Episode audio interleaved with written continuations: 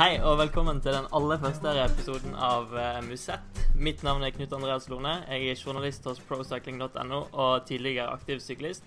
Med meg har jeg Espen Johannessen Lie. Velkommen. Hei, hei. Takk for det. Og vi har også med oss Magnus Drivenes, som òg er journalist i procycling.no og aktiv syklist i Rye. Velkommen. Yes, takk.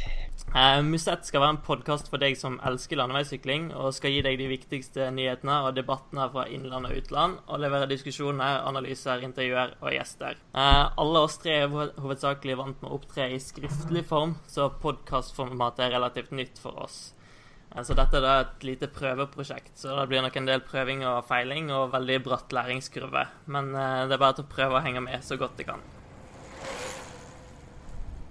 Eh, sesongen er jo allerede en drøy måned gammel. Eh, og vi har kjørt vårt første World Tour-ritt med Tour Down Under for ca. en måned siden.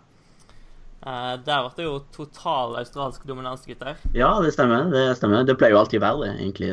Så sånn sett så har jo sesongstarten vært relativt typisk så langt. Eh, tre seire i Oman for Kristoff. og Stakelaringen har vært i noe brudd et par ganger, selvfølgelig. Og som du sier, eh, eh australierne har herja i, i Tour Ander. Og flere ritt er avlyst, og alle er uenige om skivebremser. Så egentlig alt er ved det samme som i fjor, eh, virker det som. Ja, det er ikke mye, mye nytt i år. Men uh, ja, de, Australia sikrer seg masse World Tour-poeng og sikrer seg mye VM-plasser i disse hjemlige World Tour-rittene sine. Så. Ja, det gjør de. Det er et veldig godt uh, poeng. da. Og så ikke minst at de får en bra plass i, i kjørekøen uh, utover i rittene. Og det er egentlig ganske lurt, da. Uh, Caleb Ewan, som tok fire etappeseire. Hva tenker du om han? Kommer han til å falle meg utover sesongen i år som i fjor, eller? Ja. Enkelt og greit? Ja, nei, eh, han fikk vel med seg en uh, seier i fjor i Var det Vattenfall? Da Bohani ble disket. Men uh, ja, det blir spennende å se om han får kjøre ja, f.eks. Tour de France i år. Jeg har ikke helt oversikt over planen hans. Uh, Valverde fyller jo 37 år i år og tok sin 100. proffseier. Det er relativt imponerende. Ja, Vi kan jo diskutere om det er flott eller ikke at uh, Valverde briljerer på den måten han gjør, men uh, uansett så er det en god prestasjon av uh, en gammel ringrev som Valverde. Ja, absolutt det. Men altså jeg tror det eh, Drivenes inne på det, at det jo, kan jo være litt vanskelig å like Alejandro, eh, egentlig. Men eh, det, det, er vanskelig å ikke være imponert på samme tid. Altså, fordi, og nå ligger han vel an til å kjøre Touren i år og Spania rundt, mm. om ikke tar helt feil. Um, og hvis han kommer topp ti i de to der, så tror jeg han er oppe på 18 topp 10 i Grand Tours. Og det er det vel strengt tatt ingen som har fra før av, tror jeg.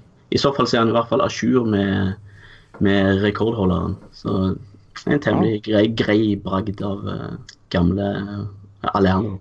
Ja. Han er i hvert fall veldig underholdende å se på. Han sykler morsomt. Ja, men han har blitt litt uh, kan jeg si litt mer defensiv med årene. Litt mer kynisk i stigningene. Så jo det litt i, i Andalusia, da Contador gikk Eh, gikk eh, helt maniac som han pleier. Og så eh, Valverde kjører litt mer konservativt i stigningen nå enn det han har gjort tidligere, syns jeg. Mm, absolutt. Quickstep har jo åpna veldig sterkt som vanlig og har notert seg tolv seier allerede. Marcel Kittel med fire og Gaviria med tre. Det har de. De fleste lag har faktisk fått sin første seier allerede. I starten så er det liksom alltid viktig å få få eh, snøballen til å rulle ganske tidlig for lagene. Det virker liksom som om det har sånn eh, smitteeffekt på resten av laget. Og Quickstep åpner jo egentlig alltid sterkt. da. De, de har tolv seire nå. Ja. Uh, BMC har liksom òg fått en god start. De har faktisk ni. Uh, ja, Orica òg ni. Ja, OK. Ja, mye pga. Port, ja, som vant Down Under, og Hermans nå, som herjer litt i Oman. Uh, det, det, er tre lag da, som ikke har vunnet ennå. Vet dere hvem det er? Jeg tipper Cannondale. Ja. ja. Um, Astana? Ja. Og en til. Uh, Lotto. Nei, Lotto har kommet godt. De har vunnet. Og Mallorca og Greipel har ja. Benz har vunnet en god dag. Jeg tenkte på Jumbo, da. Ja, Jumbo, ja. ja. Lotto NL. Uh, nei, det er faktisk Båra Hans Kroe. Ah. Og det sier vel litt om at sagaen egentlig ikke har kommet helt ut av dvalen helt ennå. Uh, og vi, ja, vi har vel egentlig ikke så mange svar helt ennå. Det er jo fortsatt early days. Kristoff har starta bra, men det pleier han jo egentlig alltid å gjøre i, i Oman og Qatar. Degenkolb syns jeg har sett OK ut. Men vi vet liksom ennå ikke om han er like god som han var før uh, den horrible ulykka og alt det der. Uh, ja, eneste jeg vil, vi kanskje bør ta med av Grand Tour-rytterne, er vel Richie Port, som har sett veldig skarp ut. Mm. Og så veldig Fjerde år på rad på Villunga Hill. Ja. Uh, og sammenlagt for første gang, vel. Og Mm. Han så egentlig veldig raka ut for å være i januar, så han virker veldig sterk. Den mest sjokkerende seieren så langt i år kom vel i Voltao Volta og Algarve, Magnus? Ja, eh, Amaro Antones er jo ikke et kjent navn for eh, de fleste, vil jeg tro. Kontinentalrytter i hva heter det laget? FC Porto. Ja. W52 FC Porto Ja. et eller annet. Uh, og ja, måten han gjorde det på, var jo mistenkelig bra. Han uh, fløy jo ifra Kwiatkowski og Roglic og Dan Martin i den siste stigningen på lørdagens etappe av eh, Volta Garve. Så ja, hva skal vi si til det, Knut? Nei, han har ikke noe, særlig å vise til tidligere. Han har kjørt greit i, i Volta Portugal, men uh, det er litt ut av ingenting. Det jo, har jo skjedd en del ganger tidligere i historien at uh, de seirene der har blitt underkjent seinere, for å si det sånn. Ja, men det blir, Uansett så blir det spennende å se om det kommer noen uh, World Tour-lag på banen. da, For han uh, rett og slett feide noen av verdens beste syklister av banen der. En meget god klatrer. Det er det ingen tvil om. En annen som imponerte i eh, Algarve, var jo den tidligere skihopperen Primoz Roglic, som er mest kjent for å ha tryna noe voldsomt i Planica i 2007. Ja, han, eh, han er faktisk meget sterk for tiden. Uh, han fikk jo litt hjelp uh, på den tempoetappen av en mot- motorsyklist, uh, kunne man se. Men eh, nei, det var, eh, var kult å se. Han ville gi, ville jo ikke gi, gi fra seg seieren på etappen til eh, Dan Martin. Dan Martin ville jo forhandle etappeseier og sammenlagt eh, på den ja, fjellavslutningen på etappe to, var det vel. Men Roglic var ikke med på det. Han, han ville ha begge deler. Så en innstilling jeg liker, i hvert fall. Ja, Roglic er veldig, veldig ambisiøs fyr. da. Og han signerte vel ny avtale med Lotto NL Jumbo nettopp. Um, det tror jeg var ganske viktig. Jeg hørte Brian Smith eh, snakke litt om det på lufta for britisk Eurosport. Jeg vet ikke om dere hørte det. Uh, han sa egentlig at eh, flere lag var etter Roglic om dagen, og Dimension Data hadde vel prøvd å signere han når Brian Smith uh, holdt på der, men de hadde vel full stall akkurat da. Og Roglic han sa vel også videre Brian Smith, at Roglic er ja, rimelig ambisiøs og ser for seg at han en dag skal kunne prestere i Tour de France, blant annet. Så vi får se hvor god han kan bli. Hvor gammel er eh, Roglic? Ikke veldig gammel, er han det? Han er 27. Veldig masse fokus på motor-PS de siste ukene. da. Det er visst ganske utbredt problem, virker det som.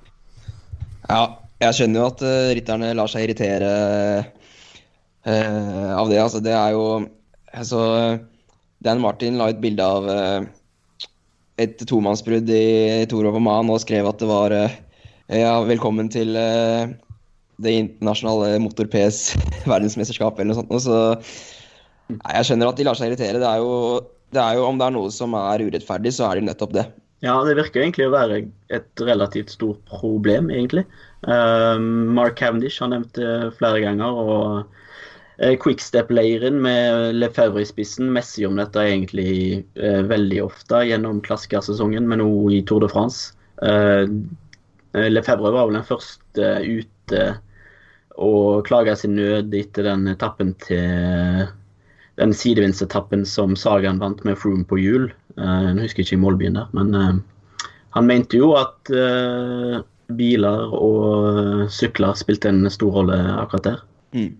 Altså, hvis, du, hvis det er veldig tøffe forhold, så skal det ikke mer enn et lite ja, To sekunder i dragsuget til den motorsykkelen, så får du et voldsomt rykk hvis du tråkker til samtidig. Så det har veldig masse å si.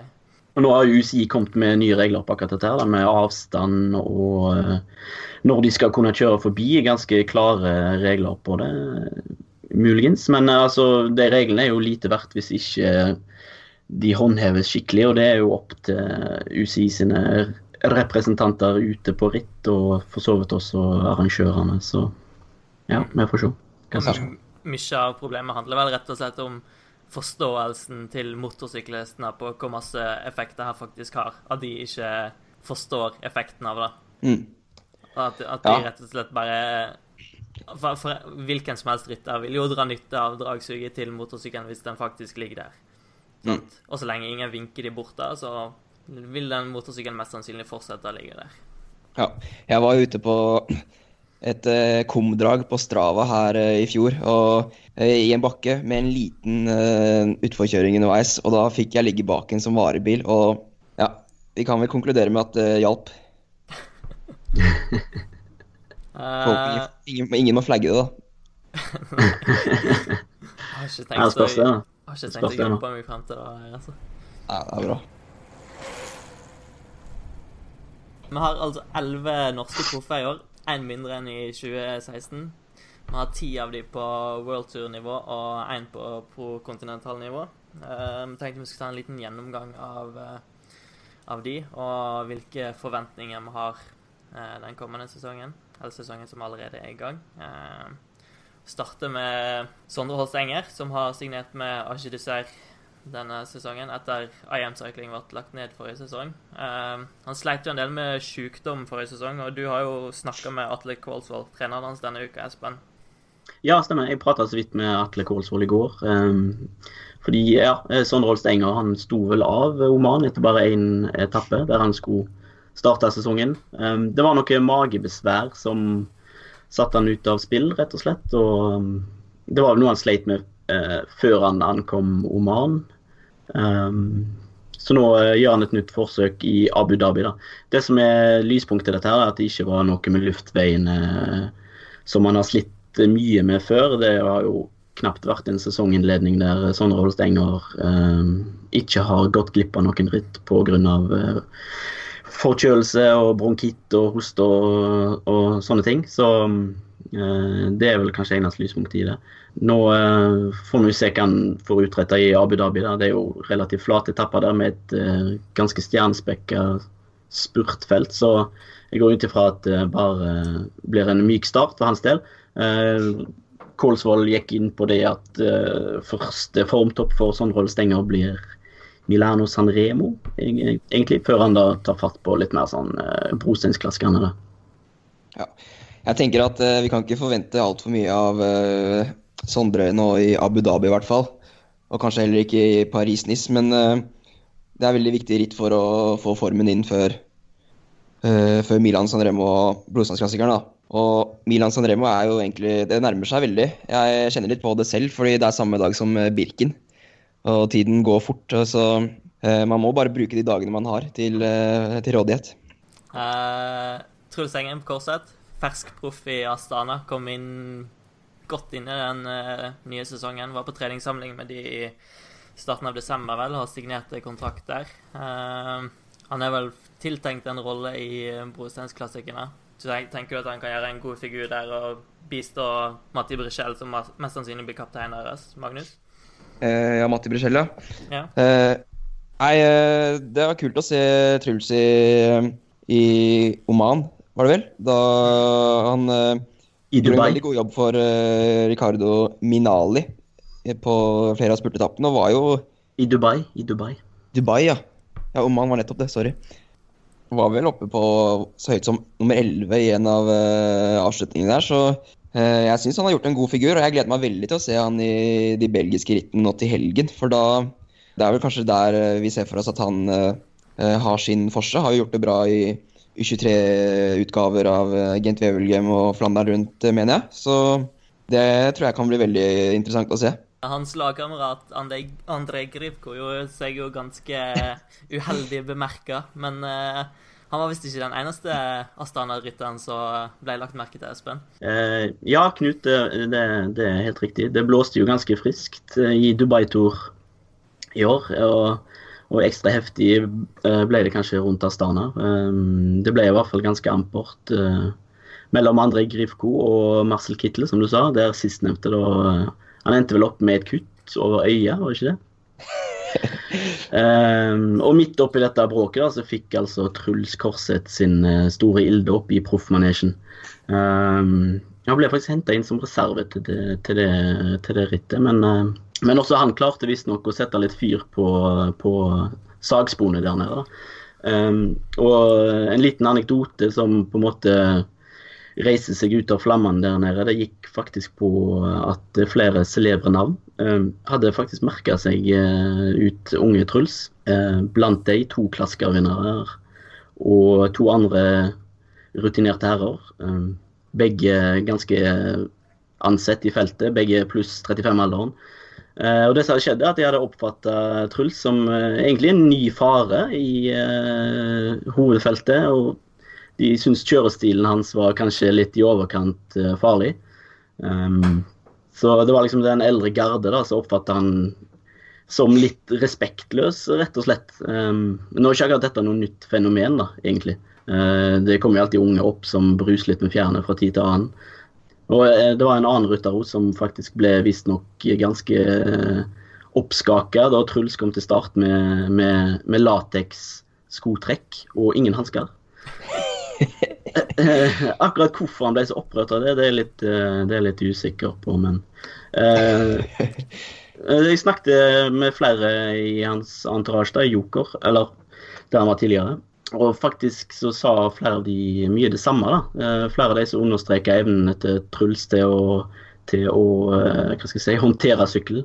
Uh, Truls uh, sier de liksom har ekstremt god kontroll på sykkelen, og derfor har han for vane til å sykle på små marginer i trange, trange områder. Um, uh, og mange av de påpekte også at han Truls er aldri egentlig redd for å, tru, for å erte på seg autoriteter, rett og slett. og uh, Det var vel Adrian, Adrian Aastien uh, som sa det at Truls gir egentlig faen i hvem han sykler mot. Og jeg tror egentlig det er egentlig, egentlig en ganske bra egenskap å ha med seg videre. Jeg vet ikke hva dere tenker.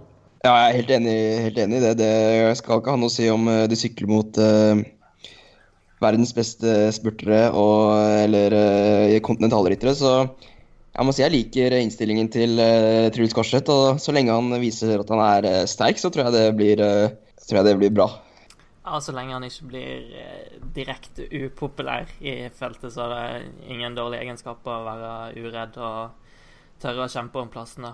det er jo blitt etter hvert relativt vanlig at unge ryttere kommer inn og, og har null respekt for de mer erfarne rytterne, i motsetning til hvordan det var tidligere. Og nå kan jo, Da er det ikke akkurat utenkelig å tenke seg heller at disse eldre sin reaksjon er kanskje litt farga av, av, at han sykler for Astana også. Det er jo et lag som eh, har hatt sine problemer og har et litt frynsete rykte i feltet. da. Vi har to uh, ryttere i, uh, i FTG. Daniel Holgaard og Odd Christian Eiking. Begge to har allerede levert gode resultater og fått egne sjanser. Hva har du tenkt om de?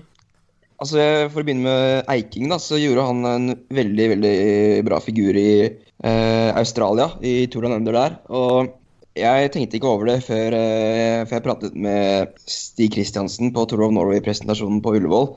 Og det han reagerte veldig på, var eh, hjelpen han hadde fått av, eh, av eh, France de Sjø-laget. At den var eh, meget dårlig. og det er jeg egentlig litt enig i, fordi det virker som at han ikke har har ikke så veldig høy eh, stjerne i det laget. Det er ikke så populært å jobbe for han eneste som ikke er fransk, selv om han kanskje er den, eh, er den sterkeste da, på, uh, i det rittet som var. Jeg tror uh, hvis han hadde fått uh, den hjelpen han kanskje trenger med å plassere seg inn i bakker og det som er, så kunne det fort vært enda bedre. men ja, nå har han vært litt sjuk nå.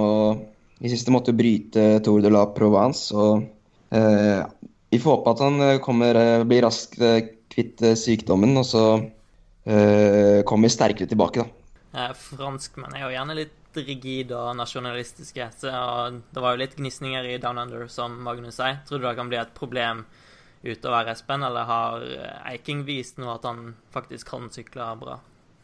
Ja, altså, jeg snakka litt med Eiking om det faktisk eh, i fjor. Jeg var så heldig å reise hjem med han um, tilbake til Bergen fra Liège-Bastogne-Liège. Og hadde en liten uformell prat med han om akkurat det. Jeg tror han var en, en smule forbausa hvor lite fleksible de kanskje var til tider med å variere hvem de kjører for underveis i ritt, gjerne etapperitt, hvis det da går gale med en de allerede har utnevnt til leder. Eh, I Australia skulle de vel i utgangspunktet kjøre for Anthony Roe er helt feil. Han, mm. Han virker jo egentlig ikke sesongklar eh, til en lederrolle allerede. Så det har vært litt sånn utfordring for Eiking. Det er vel en språkbarriere der også som eh, trolig må overkommes sånn 100 um, så det er jo eh, noe han må bli vant til. Og, men så er han jo egentlig bare en neopro, da. Så greit nok at han skal hevde seg sjøl òg, eh, men eh, han må nok innordne seg eh, de ordrene laget gir, selvfølgelig. Vi så jo Hushovd hadde jo en veldig høy stjerne i Credit Agricole, men både Eiking og Holgaard har vel en liten vei å gå før de er der. Ja, absolutt. Og Eiking, altså, han viste, det han viste i Australia, var ganske lovende. Han gikk bra oppover der.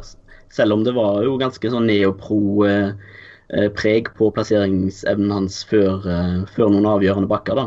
Eh, den etappen der han tapte 8-10 sekunder, eller noe sånt, i en ja. splitt i feltet, der ble han jo advart på forhånd at her kan det bli, bli splitt på akkurat det området der, og likevel så gikk han i fella. så Uh, og dette har jo egentlig vært en utfordring for han tidligere, så akkurat på det området så har han vel et uh, forbedringspotensial, tenker jeg. Uh, nå ble han 19 sammenlagt, med de ti sekundene så hadde han blitt nummer 15. Det spiller ikke sånn stor rolle, men bare det å gjenta de feilene som har vært en utfordring tidligere, det, det gir jo en litt sånn dårlig smak. Mm. Det er vel litt av det Stig Kristiansen tenkte på, da. Uh, med tanke på at han plasserer seg som en neopro, så burde lagkameraten hans på FTC vært der og hjulpet han og gitt han den erfaringen med å sitte riktig, da. Ja, så vi får håpe at uh, han får skikkelig hjelp uh, i noen ritt senere, så da kan uh, topplasseringen plutselig komme. Ja, absolutt. absolutt. Jeg syns begge egentlig viser god framgang. Uh, Holegård Ro. Det var kanskje mer overraskende det han presterte enn det Eiking gjorde i Australia. særlig med tanke på at han har vel hatt et lite tilbakefall med dette her mageinfeksjonen som han har slitt med tidligere i vinter. Jeg tror faktisk han har trent en sånn smule alternativt i forhold til de andre lagkameratene gjorde i Spania. Så Holger håper nok at denne andreplassen i Ruta del Sol, var det vel, uh, bringer han inn i en slags flytsone, for, for, det tror jeg han trenger. Ja, og jeg husker jo etter uh, Grand Prix Plouet i fjor, da han ble seks eller syv, så var han jo ikke fornøyd, selv om det var hans første ja, skikkelig topplassering. Han, uh, han, sikter høyere, og jeg tror det er en, det er en bra egenskap for en spurter, kanskje, som er avhengig av resultater, da. Så eh, ja, jeg tror eh, Jeg har stor tro på Daniel Holgaard, egentlig. Jeg håper han får kjøre for eh, egne sjanser i flere ritt som kommer, og ikke bare må hjelpe Arnaud de Mar, selv om han har gjort det til, ja, til ståkarakter også. Sven Erik Bystrøm, U23-verdensmesteren. Noen forventninger til han? Han leverte jo veldig solid i, i starten av sin første proffsesong, men var kanskje litt dårligere i fjor. Hva tenker du? Jeg tror kanskje at uh, Bystrøm nyter litt større tillit i Katusha i år enn det han har gjort tidligere, med, med tanke på at han uh, er ganske nærme et uh, Tour de France-lag. Han skal stort sett kjøre samme program som Kristoff nå på våren. Han har, fikk jo ikke vist vise frem hva han er god for i Australia og nå i Algarve. Han har jo slitt litt med Var det sykdom? i forkant av uh, Australia-turen. Så jeg tror han har, uh, har, en litt høyere stjerne nå. og Kristoff ønsker jo å ha med seg uh, Bystrøm til Tour de France. Jeg, jeg, tror ikke vi trenger å være bekymret for at Bystrøm ikke har levert hittil i år. Jeg tror han, han er trygg på hva han gjør. Stein Ørn har kontroll. og jeg tror det blir bra uansett. Det er min, min påstand. En ny fersk proff Amund Grønn Alliansen i Team Lotto NL Jumbo. Han eh, er vel hovedsakelig tiltenkt en opptrekkerrolle for Dylan Gronevegen. Jeg tror, i hvert fall han er på et godt lag, da. et lag som kjører mye ritt, som kler han godt. Han er jo ursterk, denne Amund Grøndal Jensen. En veldig smart fyr, så jeg tror det blir bra. Ja, Han virker som han passer ganske godt inn i, inn i en opptrekkerrolle, med tanke på at han er litt stor, tar litt vind, han er veldig sterk og, og veldig smart, som du sier, Espen. Eh, Sindre Sjøstad Lunke har åpna veldig godt i Vuelta Andalusia. Hadde en eh, fin 19.-plass på den tøffe første etappen. Eh, han sleit jo litt i fjor med noen endringer i sittestilling, Espen. Ja, han gjorde det. Det var ganske drastisk endring de gjorde på han nå. Jeg tror de flytta han fram på sete tre-fire-fem centimeter, faktisk. Eh, det høres litt mye ut for meg, da. Eh, nå er ikke jeg noen ekspert på, på sykkelinnstillinger og, og, de tingene der, men han fikk i hvert fall eh, en god del problemer med ryggen i innledning av, innledning av sesongen i fjor. og Så ble det justert i Tour of California, tror jeg det var. Så etter det så så vi jo egentlig at han kom mer til sin rett. da. Og i år, som du sier, han åpna ganske solid i Andalusia, var det det? Ja. Eh, klatrer bra. Jeg traff han nå i eh, Spania under treningsleiren til Team Sunweb eh, der nede. og egentlig Han virker avslappa og trygg på seg sjøl. Og treneren sier at han har tatt tydelige steg og blitt fysisk sterkere. Og egentlig blitt sterkere i hodet også. Eneste han også må forbedre, er plasseringsevnen sin. da. det er noe han må må jobbe mer med. Men uh, sånn sett så ser det utover det så ser det ganske lovende ut for han, han del. Det er jo en sesong uh, han må prestere. Han uh, er jo på jakt etter en ny kontrakt med Team Sunweb når sesongen drar seg mot slutten. Og jeg syns egentlig Sunweb har et ganske interessant lag, jeg. I type ritt som, som Andalusia og klatreritt. For de har de har jo Varen Bargil som uh, spydspiss, og så bak der så har de jo uh, blant andre Sam Umen, som er jo et av de, de største klatretalentene i Europa. Det kan kanskje bli en utfordring å få kjøre for egne resultater for, uh, for Sindre Lunke, men han viser jo at han har tatt steg i år, så det hadde vært kult om han viste at han var, uh, viste at han var sterk nok til å hevde seg i, i type uh, World Tour som Baskeland eller Catalonia eller noe sånt, som passer han bra, da. Det virker jo òg som han kommer godt overens med Varen Bargil, så hvis han har en fot inne der, så er det ikke utenkelig at han etter hvert får en rolle i Tour de France òg. Kanskje ikke i år, men uh, neste år. Hvem vet? Ja, må være litt uh, langsiktig. Ja, det er jo litt sånn når man er uh, en sånn klatretype som Sindre Lunke, så kommer jo ikke Det er ikke ofte at resultatene kommer med en gang når du er Hvor gammel er han? 24 år ca.? Så 24-25, og da det tar litt tid å utvikle den motoren man trenger, da. mens kanskje f.eks. spurtere levere resultater tidligere, så trenger uh, klatretyper som lunker mer tid på å utvikle seg. Så jeg håper at uh, Team Sunweb ser potensialet og er villig til å vente på utviklingen hans. Ja, absolutt. Og jeg tror det faktisk de er innstilt på henne. Prata litt med uh, treneren til Sindre Lunke, han dansken Morten Beneko. og Han understreker vel uh, stort sett at de er fornøyd med utviklingen til Lunke, særlig da etter sommeren i fjor. Um, og treningsarbeidet han har gjort uh, i, i, løpet av vinteren. Uh, nå har han jo eh, Lunke flytta hjem til Trondheim, da, og det virker som han egentlig han trives veldig mye mer med enn å bo i Girona f.eks. Der ble, der alt ble veldig sterkt fokusert mot, mot sykling, der, og alt handler om, om jobben hans. Uh, litt mer avbalansert og avslappa type når han får lov å være hjemme i Trondheim med andre venner utenfor uh, sporten sin. Så det tror jeg kan være sunt. Mm. Ja, ut ifra det jeg har hørt, så, så, var han veldig isolert i Girona. Og det var da inntrykket de andre nordmennene som bodde i Girona, hadde. At han ble veldig for seg sjøl, da. Eh, så jeg tror han har veldig godt av å flytte til Trondheim. Eh, som Espen nevnte i innledninga, så er alt som vanlig. Stake Laringen har altså vært i brudd. Eh, han ble kåret til den mest aggressive rytteren på den tredje etappen i Tour Down Under. Og han er vel i bruttotroppen til Tour de France for sitt nye lag, UAE Abu Dhabi. Ja, virker som han er litt i, i A-laget der på i, uh, i Abu Dhabi. Det, de sendte jo nærmest toppet lag til uh, Australia. Australia. Så nei, det virker som han er, er inne i varmen der. og jeg, jeg, tror at egentlig at, jeg tror laget hans er at det var riktig av han å gå til Abu Dhabi. Nå vet jeg ikke, Han hadde ikke så mange andre muligheter, men jeg tror det er en et positivt lag for uh, Stakan. da. Ja, det var noen som hevda at han sa nei til Team Sky. Jeg vet ikke hvor mye vi skal legge i, i den rapporten. Nei, som du sier, jeg tror han eh, finner seg veldig godt til rette i Abu Dhabi. Nå fikk jo det laget en ganske trang fødsel da, med sponsor Rot. og de redda vel seg i siste time der med en ny sponsor fra Midtøsten. Og nå har de jo fått inn en ny sponsor, uh, Fly Emirates. Så det er godt å se at ting faller på plass for, for Stake og co. Ja, jeg så faktisk uh, Vegard Stake Langen på, på, skitur i Vestmarka før jul. og Litt hengslete skøyteteknikk, men virker som han er, er klar for, for nye oppgaver i Emiratene.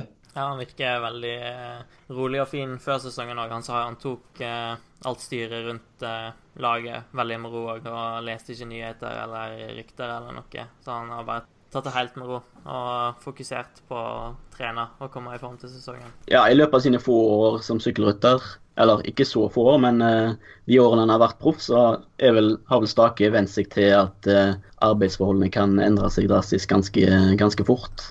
Ja, det er jo sånn det er for, uh, for de fleste i World Tour nå. At alt kan plutselig snus på hodet. Så det er jo noe en bare må lære seg å leve med. I helga da starta altså sesongen virkelig med klassikerne Omlop Het Newsblad og Kyrne Brussel Kyrne. Både damene og herrene skal i aksjon på på lørdag i omløpet Newsblad. Og det norske profesjonelle kvinnelaget Hightech Products skal sykle i forkant av herrene. De sykler en 102 km lang utgave av eh, omløp. Eh, Hightech har tre norske til start. Thea Thorsen, Tone Hatteland Lima og Miriam Bjørnsrud. Og i tillegg kjører Ilona Hoksma, Charlotte Becker og Nina Kessler i rittet. Vår mann i felten, Kjetil Rakkenes Anda, eh, redaktør for Sykkelmagasinet, har tatt en prat med Hightech Products-sjef Carl eh, Lima foran rittet, og her får du hva han mener. Ja, Carl Lima, endelig er det sesongdebut for Hightech òg, i eh, Belgia. Hvordan ser du på det rittet? Ja, det er et ritt som vi har gjort det bra i tidligere. Vi har bl.a. vunnet ritt i 2011. Har gjerne ikke tro på at vi klarer det i år. Ehm, vi har et eh, litt redusert lag pga. at eh, veldig mange av jentene er på eh, samling med landslaget i Spania. Og skal ligge i samling der fram til de skal kjøre et ritt med landslaget den 8. mars. Så det blir et det blir fem ryttere som stiller nå i helga for oss. Ehm, Susanne Andersen står over pga. et lite kneproblem som hun har fått. Så, så vi, vi, får se. Jeg, jeg, er forsiktig optimist likevel. Og håper at vi skal klare en, kanskje en topp ti-plassering i, i omloppet Newsblad og og i omlopp van Hageland som går på søndag. Landslaget har samling eh, parallelt. Passer vel ikke helt godt for dere. Hvordan har du kommunisert med landslaget underveis om dette?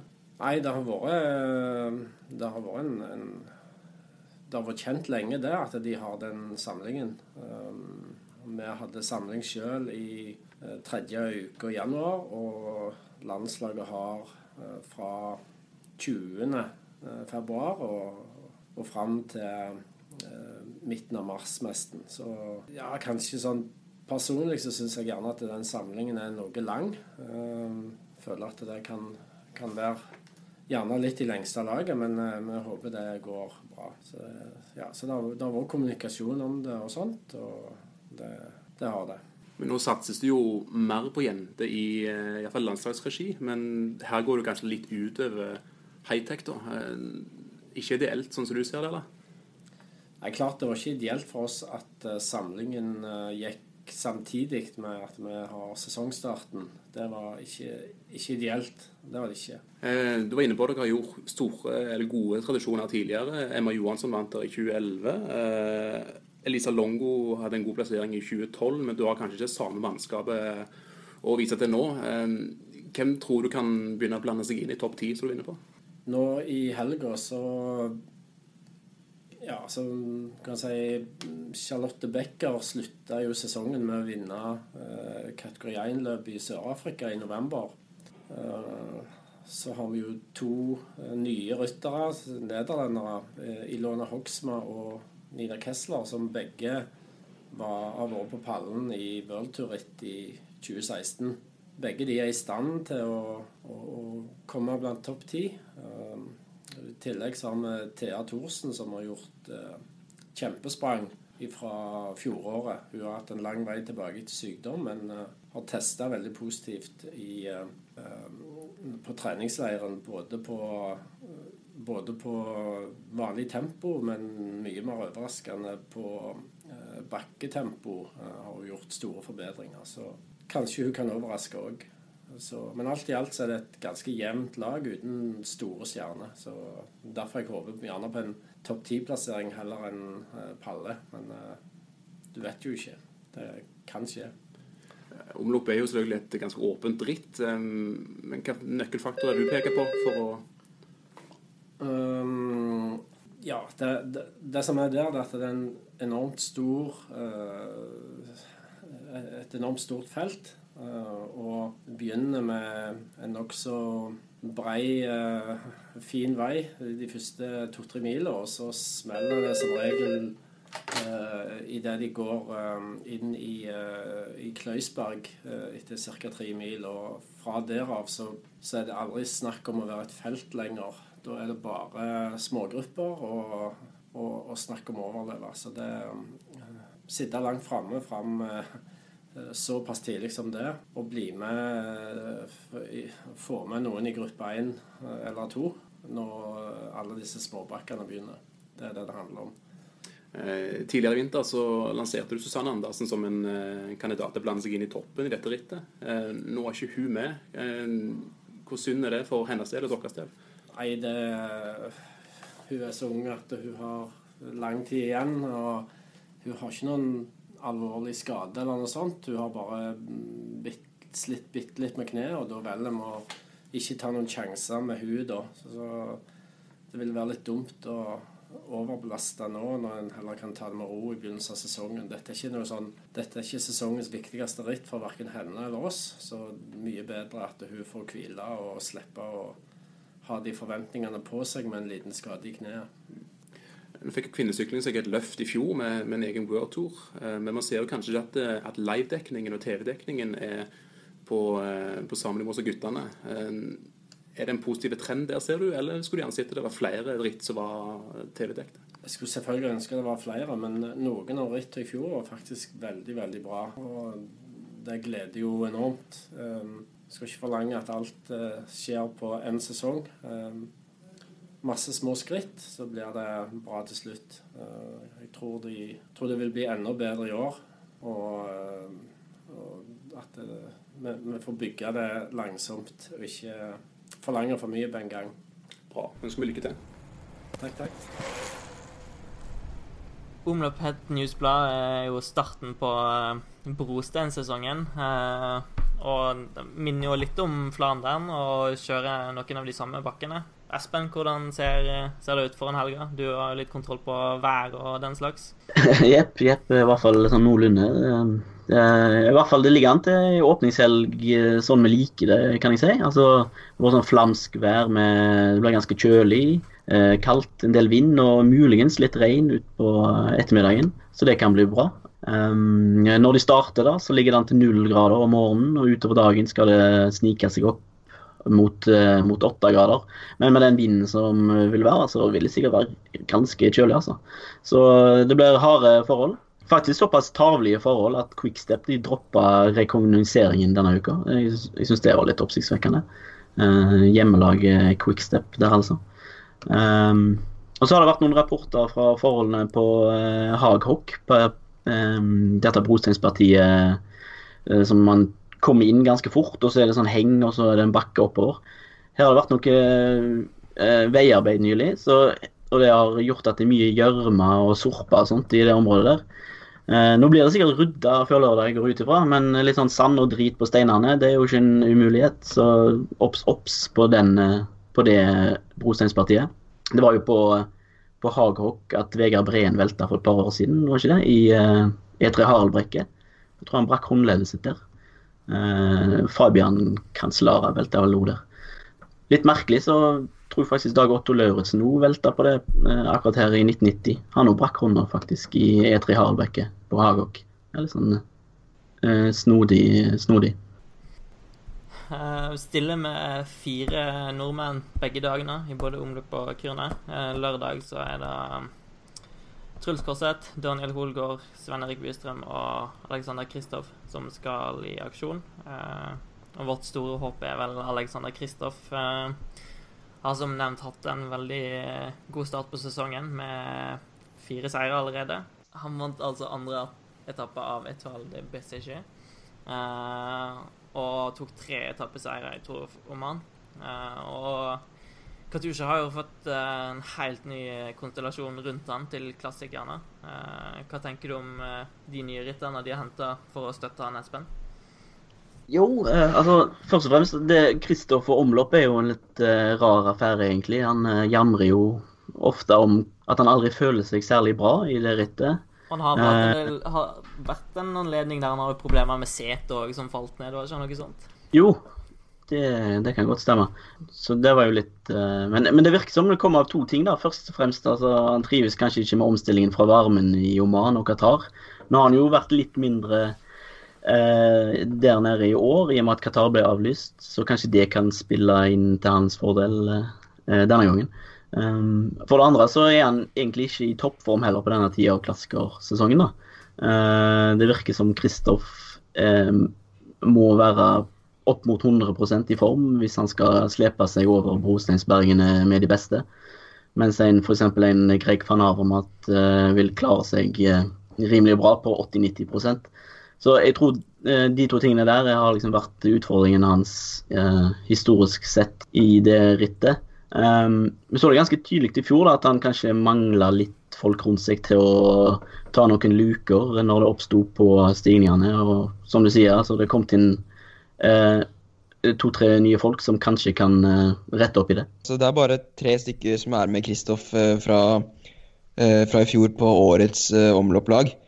Men jeg tror vi skal være litt, ja, som Espen sier, litt spente på formen til til Kristoff. Litt usikker på hvor mye vi kan lese av at han har, allerede har fire seire i år. For det er ikke akkurat uh, masse massespurter han har vunnet. Det er litt uh, ymse nivå, kan man si. Selv om det er veldig bra å vinne likevel, så sier Kristoff selv at uh, han er usikker på Han kan ikke si at han er i toppform selv om han uh, vinner, da. Så det blir interessant å se nå i Belgia på lørdag.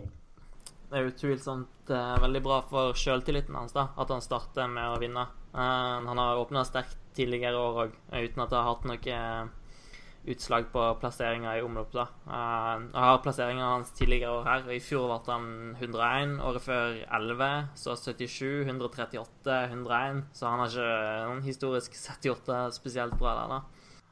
Nei, men det blir jo kult å se nå med de nye rytterne. da. Tony Martin eh, blant annet er jo kanskje den eh, mest utslagsgivende nye signeringen for uh, Katusha.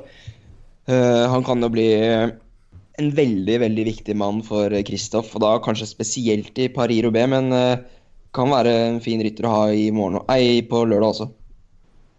Det virker som uh, Ut ifra hva jeg har hørt og lest, så virker det som han, Tony Martin og Alex skal sidestilles litt i både Flandern og Paris-Roubais, men at de eh, regner med at det er Alex som går best i Flandern, og Tony Martin kanskje går best i Paris-Roubaix. Uh, ser det på Tony Martin som noen trussel for Alex sin, uh, sin kapteinsrolle i Katusha, eller er det litt overdrevet?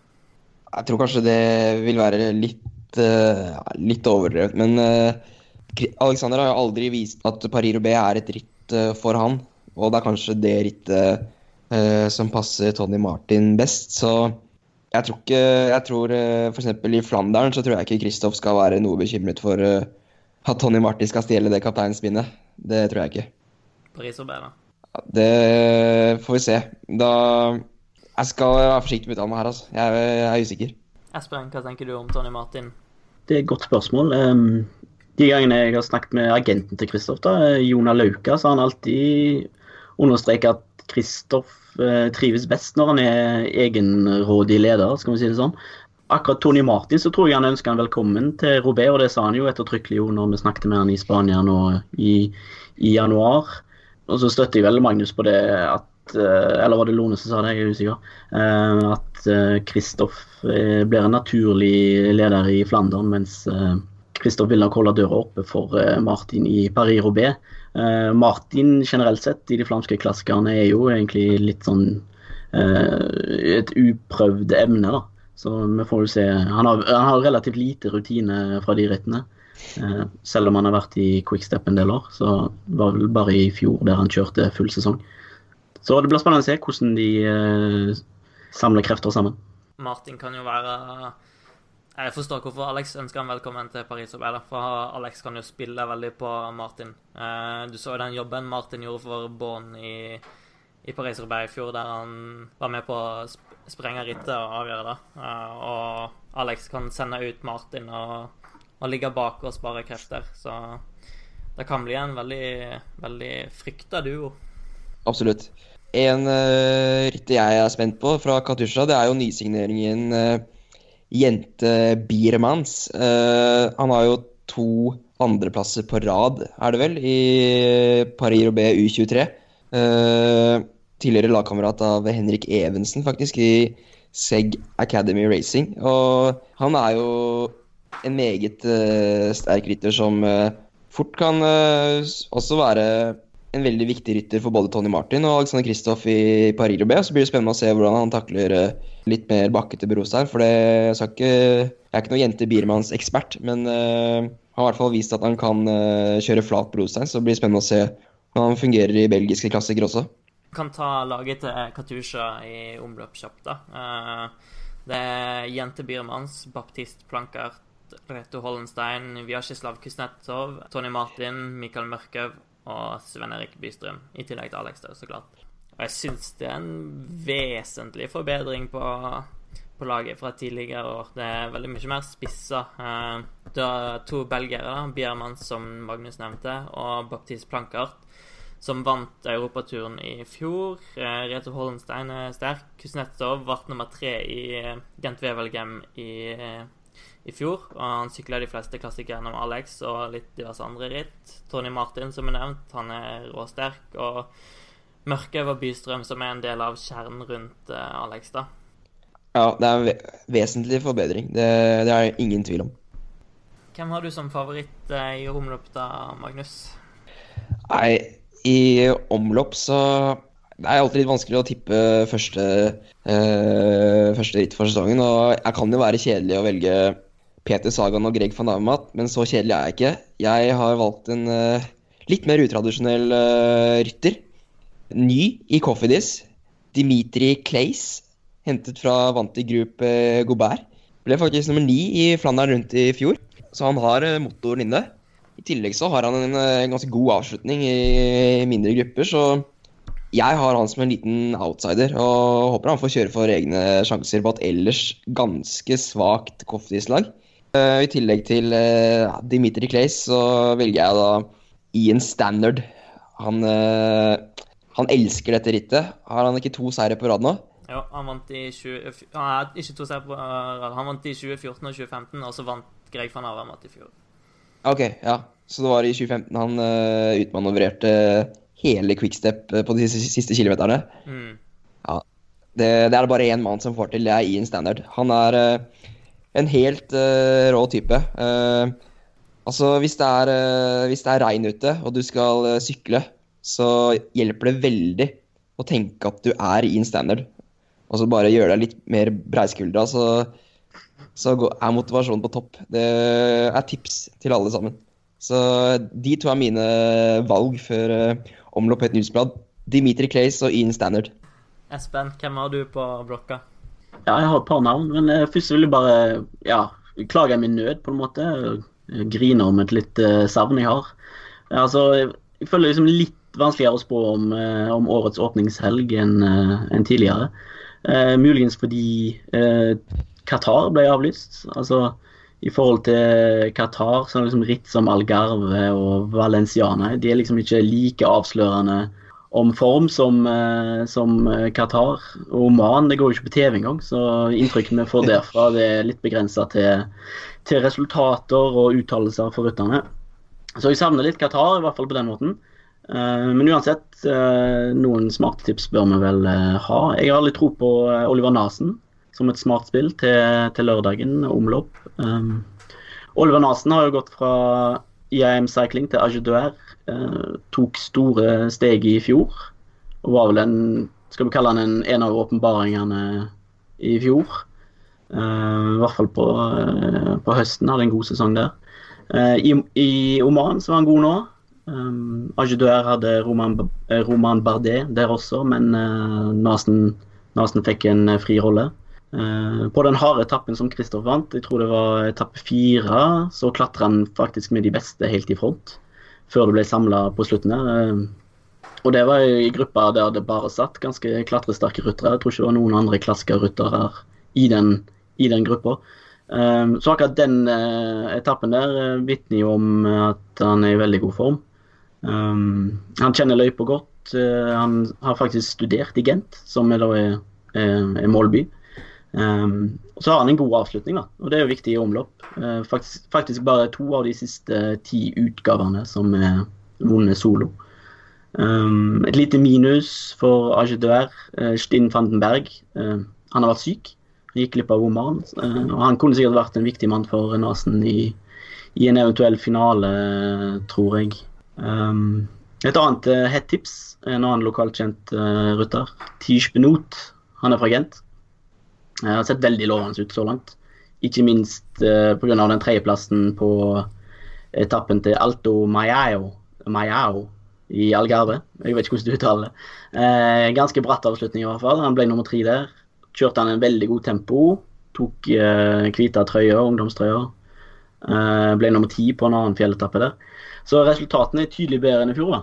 Uh, og, han, og, I fjor var han en av de som virkelig drev rittet fram uh, på Taienberg. Det nevnte vi vel innledningsvis. Uh, og sånn forholdene blir i helga, kaldt, blir mye vind og kanskje litt regn, altså betydelig tøffere enn i fjor, så tror jeg antageligvis det kan spille litt til hans fordel og, og hans styrker. Litt interessant med Benot, er faktisk kvitt noen sånn langvarige mageproblemer han har slitt med, noe alle det Boasen Hagen har hatt.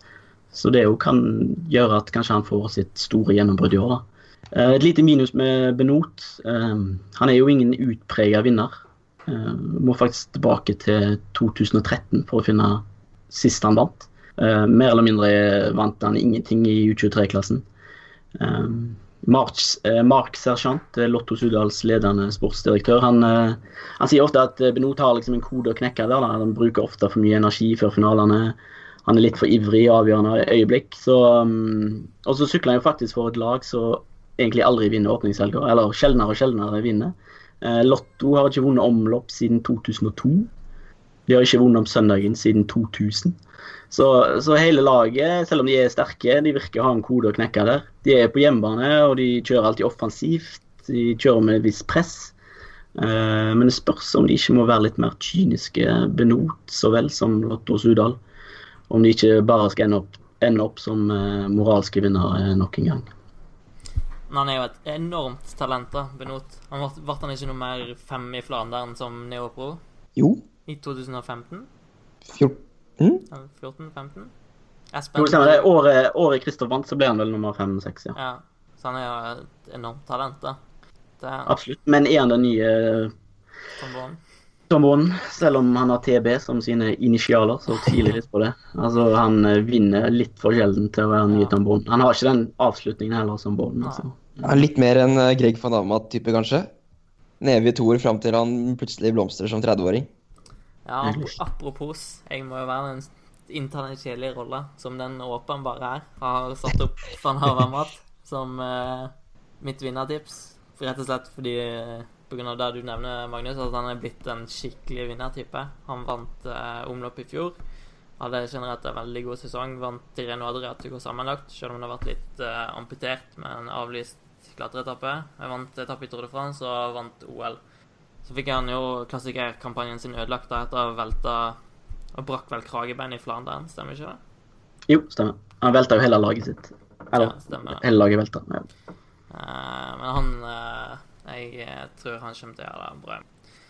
Han er en seig type som takler dårlig vær òg, så se opp for han. Eh, og så må jeg jo nevne Tom Bourne, som er Det er vel ikke noen hemmelighet at han er en av mine store helter. Eh, men merkelig nok så har han aldri vunnet omløp et newsblad, selv om han har vært veldig nær eh, nær et par ganger. Han rota jo bort til Standard i 2015 sammen med Stine van Berg og Nikita Akstra, der de var tre mot én inne på de siste kilometerne. Og de gjorde noen dumme angrep som gjorde at de mista rittet. Um, og Standard vant. Uh, Tapte spurten mot Sepp van Marke i 2012. Uh, så han har vært nær et par ganger, da, men gjort noen dumme valg som har gjort at han ikke vant det. Men han har jo skrevet seg inn i rittets historie for alltid med å angripe opp Tyenberg hvert eneste år, bortsett fra, fra i fjor. Tyenberg kommer altså 59 km fra mål, så det er bare å sitte og vente på det angrepet i år òg. Eh, den har vel etter hvert blitt omdøpt til Bånberg, den bakken der. Det er hans siste sjanse også, er det ikke det? Jo, han legger opp et uh, Paris-Roubais i år, så jeg tenker han er veldig gira på, på å vinne. Uh, har åpna fint i Tour de San José eh, i Sør-Amerika. Vant en etappe der, kjørte noen fine opptrekk for, eh, for eh, Fernando Gaviria. Eh, så han virker å være i, i rute. Tour San Juan. Tour San Juan er det, stemmer.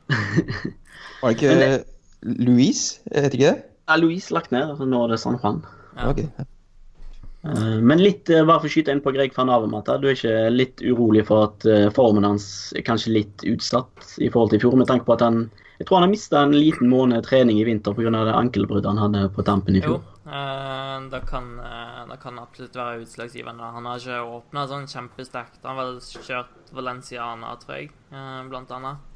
Har ikke vist noe eh, Han var grei på en etappen Kristoff vant i Oman, så ble han nummer tre, men ja. Så Ja. Men han har ikke vist noe eksepsjonell form. Men jeg tipper han er i grei rute. Han har nok grei kontroll. Eh, noen andre som bør nevnes? Ja, litt interessant med Sepp van Marke. Jeg jeg beit meg merke i at eh, både Stenek Styber og Arno Demar har pekt ut han som vinner, uavhengig av hverandre. Eh, Jeg syns det var litt oppsiktsvekkende. Eh, Styber kjørte vel med van Marke i, i Andalusia, hvis det var feil, og Demar sammen med van Marke i Algarve, så det har trolig sett noe vi ikke har sett. Fordi han har ikke gjort så veldig mye ut av seg, utenom et par velt i, i Algarve. Uh, van Marke sjøl tror på Demar, og det er kanskje ikke så dumt, for han så veldig god ut i Algarve. Han kjørte en tempo der som var ganske heseblesende for han å være. Mm, s- med litt hjelp fra bil også, så kan han Ja. fort bli sterk. Ikke umulig. Nei, men uh, da gleder vi oss veldig til uh, å få Brostein på TV-en igjen. Uh, Espen, du er jo litt av en ølhund. Har du noen gode tips til å ha noe, noe godt å ha i glasset? Ja, ja. Jeg er veldig glad i, i Omer om dagen. Jeg tror det ble kåra til årets flamske øl for et par år siden. Um, jeg vet ikke om du får tak i den på polet, eller hva du gjør. Du får, uh, den er i hvert fall å anbefale. Da takker vi for oss og, og håper det her blir bra etter hvert. Eh, Magnus, tusen takk for at du var med. Yes, takk selv. Espen, takk for at du var med. Hjertelig. hjertelig. Og tusen takk for at du hørte på, ja. Ehm, Følg oss gjerne på Facebook og Twitter. Bare søk opp Musett, en podkast om sykling, og så finner du oss. Og så abonnerer du på podkasten vår i iTunes eller SoundCloud. Takk for oss.